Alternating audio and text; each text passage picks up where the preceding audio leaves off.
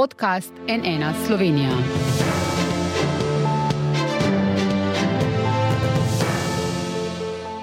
Dobr dan, to je NN studio. Z današnjim dnem je delo zaključil Strateški svet za preprečevanje sovražnega govora, ki ga je ustanovil predsednik vlade Robert Golob. Po štirih mesecih dela so predstavili 57 priporočil na 20 straneh. Kakšna so? Ali imajo Golobova zagotovila, da bodo uresničena? Kdo bo vladi pri tem gledal pod prste? Je ta koalicija na tem področju dejansko že kaj izboljšala ali je morda kje tudi spodletelo? Nika Kovač, predsednica strateškega sveta, dobr dan, dobrodošli na NN. Živijo. Sem prihajate v bistvu neposredno z novinarske konference s predsednikom vlade. Uh, rekel je, da je pot do uveljavitve priporočil zdaj odprta, sploh zato, ker so pri tem procesu sodelovala tudi uh, ministrstva. Kako je v bistvu potekal morda za uvod ta delovni proces te štiri mesece? Ja, strateški svet za preprečevanje sovražnega govora je v bistvu sestavljen tako iz nekih strokovnjakov z področja sovražnega govora, predstavnikov civilne družbe in članov različnih ministrstv in ministrstv in um, državnih organov. Um, samo delovanje je bilo zato pogosto precej pestro. Um, nismo se vedno strinjali v vseh stvarih, ampak smo se v bistvu usmerili k temu, da najdemo čim širši konsens in da res predlagamo neke stvari, ki so uresničljive. Mi smo se, se takoj na začetku odločili, da ne želimo biti um, neka um, v bistvu moralna komisija, ki bo govorila o posameznih primerih. Odločili smo se tudi, da nismo neko usporedno ministrstvo, ki nastopa z pozicije vednosti, ampak da se zavežemo nekemu poglobljenemu delu. Opravili smo pogovore z več kot 40 organizacijami in posamezniki in na podlagi tega izoblikovali ta priporočila. Predsednik vlade je bil danes z njimi prvič seznanjen um, in um, z marsikaterim izmed priporočil se je strinjal. Um, mi pa bomo zdaj v prihodnjem letu videli, do kakšne mere bojo uresničene. Smo se pa tudi danes zavezali k temu, da bomo v bistvu bistvu na vsako neko obdobje naredili tudi monitoring teh zavez temu še pridava v nadaljevanju, morda najprej o teh priporočilih, kot rečeno, 57 jih je, eh, v katere sklope ste jih razdelili, morda katera se vam zdijo najbolj ključna. Ja, mi smo se v bistvu takoj na začetku delovanja odločili, da želimo biti zelo efektivni, da ne želimo, da je to še en strateški svet, ki razglablja in razglablja in ne da od sebe nič. In smo zaradi tega um, delo razdelili na posamezna področja. Torej, prvo področje je bilo vzgoja in izobraževanje in mladi vladi, ki je potem sploh v luči tega belgrajskega napada bilo eno izmed ključnih področji, kjer mi tudi vidimo veliko možnosti za spremembe. Um, drugo področje je bilo področje preventive, kjer smo bili mogoče malo bolj kreativni o tem, kaj vse lahko storimo, da um, sovražni govor prepričujemo, oziroma kaj lahko storimo, da krepimo neko solidarnost in strpnost v družbi. Potem veliko področje um, je bilo tudi področje medijev. Um, tukaj smo imeli res izjemno strokovno zased, zasedbo Marka Milosavljeviča, uh, Brankice Petkovič, Tatjane Pirc, ki se v bistvu s tem ukvarja celo življenje um, in uh, področje spleta, potem pa še kazensko-pravni odziv na sam sovražni govor. Se mi zdi pa mogoče pomembno izpostaviti tudi to, da ko smo delali ta priporočila, smo nekako izhajali iz izhodišča, da um, je treba zagotavljati neko strpnost in neko splošno družbeno kohezivnost, uh, krepiti socialno državo, zaradi tega, ker to so te neki trenutki, ki v bistvu tudi zmanjšujejo neko jezo, agresijo in nasilje v sami družbi in v to, v to smer tudi grejo sami um, ukrepi. Je bilo pa na njih um, opravljeno ogromno dela in jaz sem zelo um, presenečena nad zauzetostjo celotne ekipe. Vsi člani civilne družbe pa smo se odpovedali honorarju za upravljeno delo, ker smo res želeli narediti nekaj dobrega za samo državo in za nas vse. Zdaj, ko se pogovarjamo, so ta priporočila že verjetno tudi prosto dostopna na svetovnem spletu in si jih vsak uh, lahko pogleda. Mogoče tisto področje, ki ste ga najprej omenili in seveda tudi povezano s tem, kar se je dogajalo v Beogradu, šole. Uh, kaj se vam zdi tu ključno, katere ukrepe lahko recimo tukaj uh, spreme država takoj? Uh -huh. Um, na področju šole je bil izjemno pomemben pogovor, ki smo ga upravili z Vezo ravnateljev, um, ki je izpostavila, da se pogosto ravnatelji v nekem soočanju s sovražnim govorom počutijo same, da um, ne vejo, kako postopati, da so postopki kompleksni in da um, si želijo nekako večjo odzivnost ministerstva pri spopadanju s sovražnim govorom. Um, na tej točki v pogovore vstopila tudi Lea Colnar, um, ravnateljica um, porodo Slovenka, ki zdaj dela na švedskem, ki je predstavila njihovo dobro prakso. In to je, da se šole lahko obrnejo na urgentno točko, ki jim v takih primerih nudi neko res širšo um, sliko, neko širšo svetovanje za samo situacijo. In v to smer gre um, naš predlog. Um, na ministrstvu so sicer že dali neke signale, da se tega naj ne bi dalo na ta način vzpostaviti v Sloveniji, ampak nam se zdi ravno ta pomoč ravnateljem in šolam ključna. Druga stvar je krepljenje oseb zaupanja. Um, v šolah. Veliko delo upravljajo šolski svetovalni delavci in delavke. Um, to so osebe, kamor grejo otroci, ko um, so v stiski, ko potrebujejo pomoč. In um, ena izmed njih, s katero smo se pogovarjali, je rekla: Včasih smo se mogli greb, zdaj, ker še en otrok prišel k nam, zdaj pa otroci stojijo v, vr, v vrstah. In zato smo predlagali, da um, vlada v resnici ukrepi to število šolskih svetovalnih delavcev. In to je prvo priporočilo, kjer so nas že upoštevali. Um, ob, obdržali so to kvoto, ki je bila um, vzpostavljena v času COVID-a, ampak mi si želimo, da bi bilo teh svetovalnih delavcev in delavk še več. Tretji ukrep pa je ukrep, na katerega je ponovno najprej upozorila Leja Colnar, ki je rekla, da na švedskem vsaka šola vsako leto naredi raziskavo med učenci o tem, kako se počutijo. Se na šoli počutijo varne, se na šoli počutijo v redu, um, kaj so stvari, um, kjer v bistvu občutijo mogoče neko sovražnost. In povedala je nek banalen primer iz svoje šole, kjer so otroci v tej anketi opozorili, um, da jih je v prvem razredu zelo strah za smehovanja in nekih napadov, ker so premehni, da bi zaklenili vrata straniščin in potem starejši otro, pač otroci udirajo.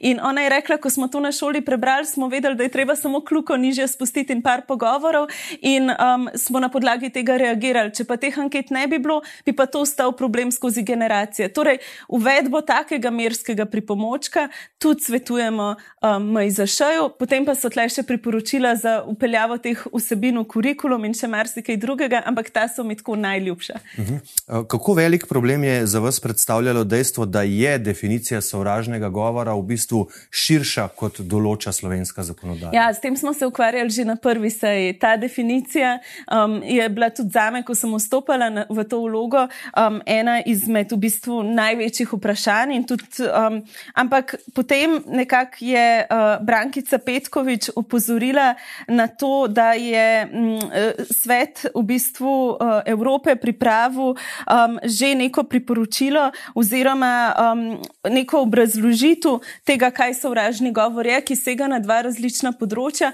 Torej, prvo področje je ta sovražni govor, ki širi sovraštvo nad nekimi marginaliziranimi skupinami in ki ga je treba kazati kazensko um, v bistvu preganjati. Drugo priporočilo pa gre v tej smeri, da obstaja tudi sovražni govor, ki je širši od tega in zaradi tega so države dolžne pripravljati neke akcijske načrte, strategije, kako se v bistvu s tem spopadati. In temu drugemu delu smo mi posvetili ogromno pozornosti, ker mislimo, da se marsikaj lahko naredi prav s temi pozitivnimi ukrepi. Pa je Ministrstvo za pravosodje izrazilo pripravljenost, da zaustri to definicijo? Um, Ministrstvo za pravosodje je bilo izjemno kooperativno v tem procesu.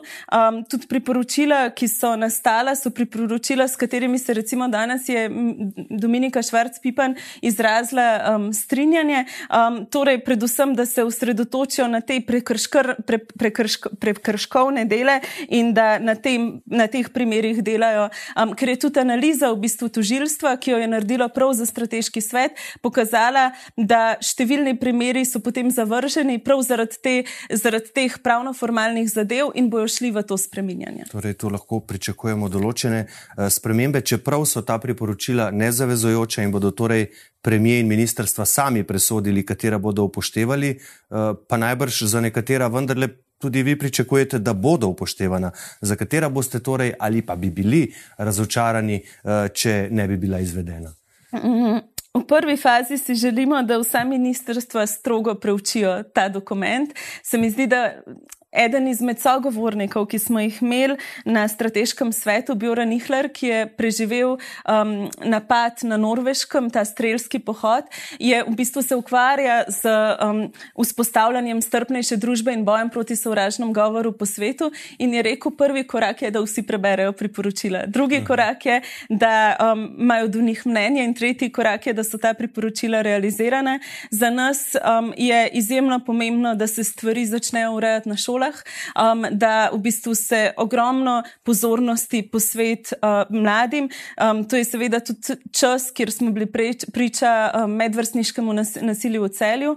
Um, drugo področje pa je seveda področje medijev, um, kjer je Marko ravno dan, danes upozoril, da pogosto slišimo državne uradnike, da se ne da, da se ne more, ampak eno od priporočil gre v smeri tega, da bi morali sovražne komentarje na spletu um, medijskih hiš tudi v bistvu bistvu regulirati same medijske hiše oziroma jih obravnavati kot sam medij. In to se nam zdi izjemno pomembno, ker um, se pod temi članki um, zbirajo številni komentarji, ki širijo sovraštvo, um, na njih se pa pogosto ne odziva, ker je pač to klikanost, odzivnost in algoritmi tako delujejo. Ja, na tem mestu moram povedati, da na en enak tem zadevam in tudi komentarjem po članki pristopamo zelo resno in v bistvu vsakega posebej pregledamo in potem seveda presodimo, ali je to nekaj, kar sodi sodi uh, v nek komentar pod novico ali ne, in seveda v skladu s tem uh, tudi ravnamo. Kaj boste vi storili v primeru, da se zgodi, da pač za kakšno ključno priporočilo, za katerega pričakujete izvedbo,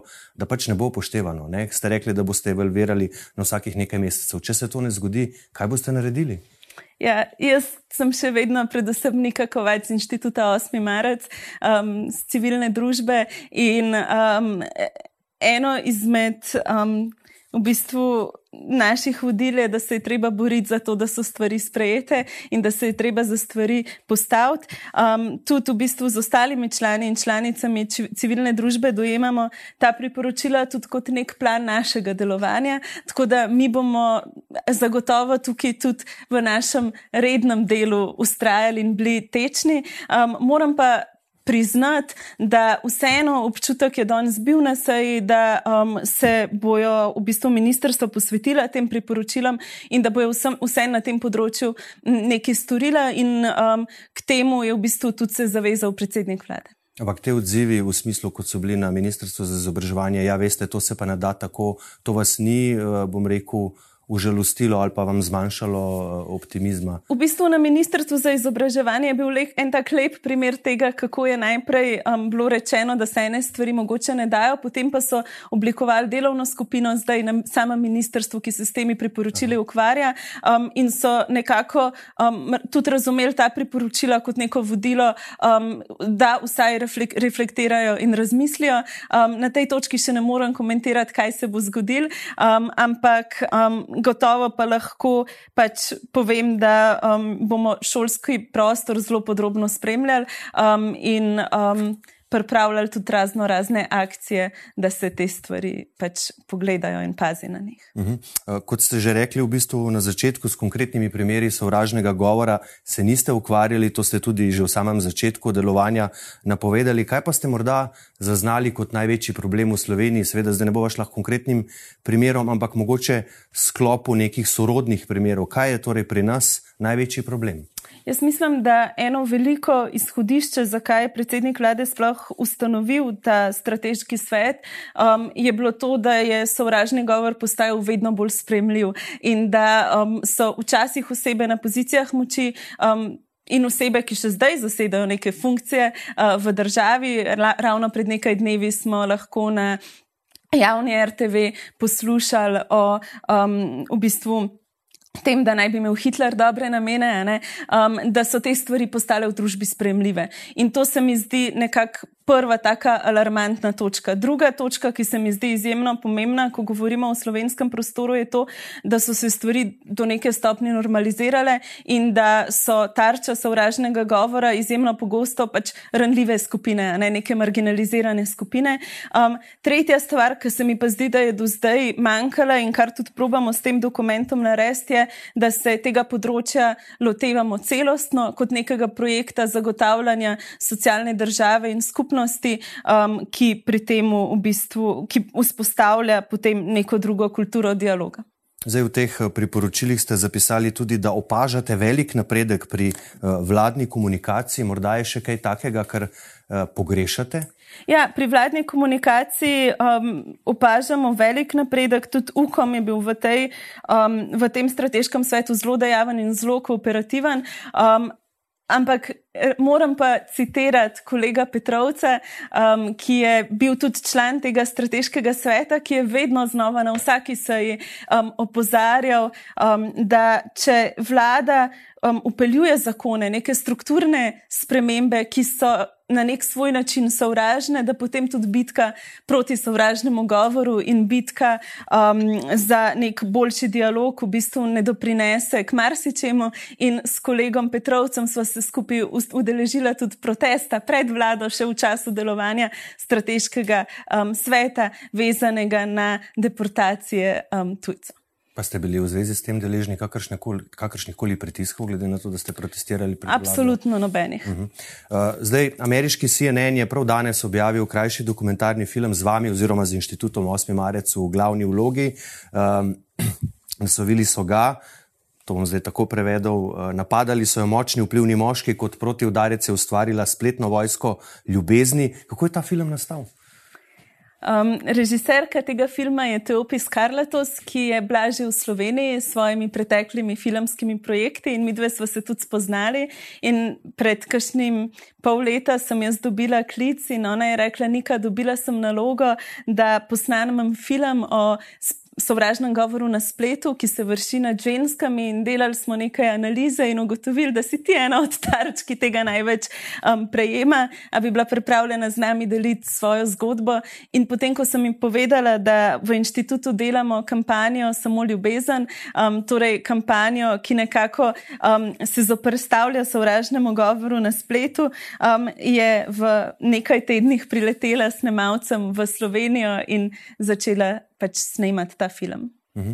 V tem filmu rečete, da vas položaji v vladi ne zanimajo, ravno takrat pa ste v bistvu sprejeli funkcijo predsednice uh, strateškega sveta in bili zaradi tega deležni tudi kar uh, nekaj kritik. Ali niste s tem, ko ste sprejeli to funkcijo in celo vodenje sveta na nek način postali del vladnih struktur? Ne, jaz mislim, da ne. Ravno tudi zaradi tega, kako pač je sam strateški svet zastavljen, da je to neko neodvisno telo. Moram pa priznati, da meni te funkcije niso zelo prijetne in če se jih mogoče kdo uklepa, je bil moj cilj, da čim prej zaključimo svoje delovanje in da delujemo strnjeno in da čim prej pripravimo ta priporočila. Priporočila so zdaj pripravljena in zdaj smo tudi položili v bistvu vladi nazaj odgovornost, da te stvari izpelje. Jaz se pa z veseljem uh, vračam na ulico med ljudi in um, tam nadaljujem z delom, ki ga v inštitutu upravljamo. Se mi pa zdi v resnici ta praksa, ki jo um, uh, upeljuje tudi vlada, um, tega, da, so, da je civilna družba soudeležena pri nekaterih procesih nujna. Jaz mislim, da demokracija je prav to, da vsak od nas lahko deli svoje mnenje, da vsak od nas lahko sodeluje pri nekih odločevalskih procesih. In recimo mi v strateškem svetu smo si želeli opraviti še nek širši sklop javnih razprav o posameznih področjih, pa smo hitro v bistvu dobili nazaj, da nam akt o ustanovitvi tega ne dopušča, tako da ta naša želja po širjenju je bila tudi v tem organu prisotna. Ja, ampak premijer pa napovedal še preden je v bistvu zmagal na volitvah, da bodo nekako civilno družbo bolj vključevali v delovanje vlade. A tako potezo razumete kot nekaj nasprotnega tem napovedim? Ne, te, te poteze ne, si pa želim, da bi v rednih zakonodajnih postopkih vlada bolj vključevala civilno družbo. Um, na to upozarja tudi CNVOS. Um, in um, se mi zdi, da kar civilna družba dosledno dela, je, da um, stvari pač nastavljamo ogledalo in tudi na to opozarjamo. Je pa gotovo ta strateški svet um, nek korak v bistvu k sodelovanju tako nas, ki smo bili del tega, kot tudi predsednika vlade, ki si nas je nakopal na grbostem. Ja. Eh, zdaj o načinu boja proti sovražnemu govoru, kot ga izvajate vi svojo kampanjo, kot tudi v bistvu vidimo v tem CNN-ovem dokumentarcu. O tem smo pisali tudi mi v rubriki Poglobljeno lani. Eh, tu priporočam branje eh, članka, kako razrečiti internetno greznico. Avtor je Staž Zgonik. V bistvu je to vrsten projekt že leta 2016 zagnala švedska novinarka Mina Dener. Tudi z njo smo se seveda pogovarjali. V tem članku ste tu črpali svoj navdih? In pri Liz Weinstedt, mhm. um, ona prihaja iz Amerike um, in ima organizacijo Abortion Front, kjer v bistvu um, te um, obmetavanje z gifi ljubezni izvajajo v bistvu nad um, aktivisti, ki jih napada politika. Kaj je bilo nam v tem všeč, je prav to ustvarjanje skupnosti in premagovanje sovražnega govora z neko prijaznostjo, sončnostjo in z nekim upanjem, um, hkrati pa z jasno zavezo um, k teženju k socialni državi državi in neki pravičnosti za vse. Če to mogoče še malo ljudem pojasnimo, v bistvu, ko se pojavi nek sovražni zapis, je vaš odgovor na v bistvu neke uh, ljubezen, torej gifi, srčki in yeah. Ja. podobne stvari, in potem si v bistvu vsi, ki v tem sodelujete, med seboj všečkate in algoritmi družbenih omrežij, seveda potem takšne odzive uh, dvigujejo više in so bolj vidni, in v bistvu na koncu sovraštvo razvodeni na tak način. Ja, v resnici um, je celotna ideja za to kampanjo samo ljubezen ta, da pogosto se sovražni govor nad osebami vrši zato, ker se jih skuša utišati. Vedno, ko je nekdo kritik oblasti, vedno, ko je nekdo kritik nekih gospodov na pozicijah moči ali pa trolov na pozicijah moči, um, te probajo utišati s sovražnim govorom. In takrat ti slišiš samo te glasove, občutek imaš, da so to edini glasovi, zaradi tega, ker je večina pač tiho. In raziskave kažejo, da se sovražni govor zameji prav z opolnomočenjem prič. Na to upozarja tudi Katja Zabukovec Kerin. Torej, da um, ljudje, ki to vidijo, se na to odzovejo z neko podporo in z nekim upanjem. Naš sistem je pa tak, da če ljudje opazijo, da nekdo na poziciji moči um, napada um, nekoga, preko spleta nam to pošljajo, in potem mi pošljemo SMS vsem našim bojevnikom ljubezni, um, ki jih je zdaj okoli sto, ki mhm. potem pošljajo ta prijazna sporočila. In se že kažejo, verjetno, tudi neki učinki. Ne? Se. Zdaj, sami ste rekli, uh, tudi zato so vas CNN naklicali, na vas osebno se je zgrnilo ogromno nekih zapisov, komentarjev, lepljenk, kolažov. Res marsikaj uh, smo videli in to menite tudi v dokumentarcu. Veliko krat vam učitajo, da nimate otrok. Kaj bi na tem mestu sporočili vsem ženskam, ki dan danes poslušajo enako? Jaz mislim, da so pač te komentarji nespremljivi. Nespremljivi so zaradi tega, ker se vtikujejo v zasebnost, nespremljivi so zaradi tega, ker um, v bistvu vrednotijo vrednost ženske samo s tem, ali je sposobna imeti otroka ali ne.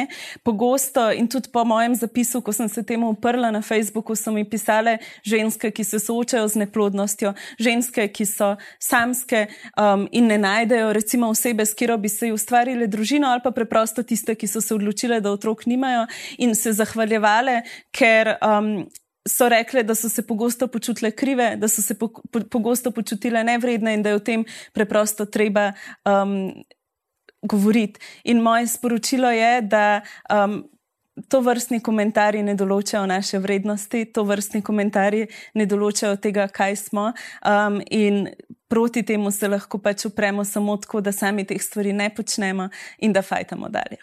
In leta 2023 v bistvu je treba razumeti vse, pa ne glede na to, zakaj so se za to odločili, ali pa če se sploh niso za to odločili, enostavno treba je razumeti in spoštovati. Ja. Vendar le smo leta 2023. Absolutno. Najlepša hvala, Nika Kovač, da ste bili ponovno gostja NN Slovenija. Hvala.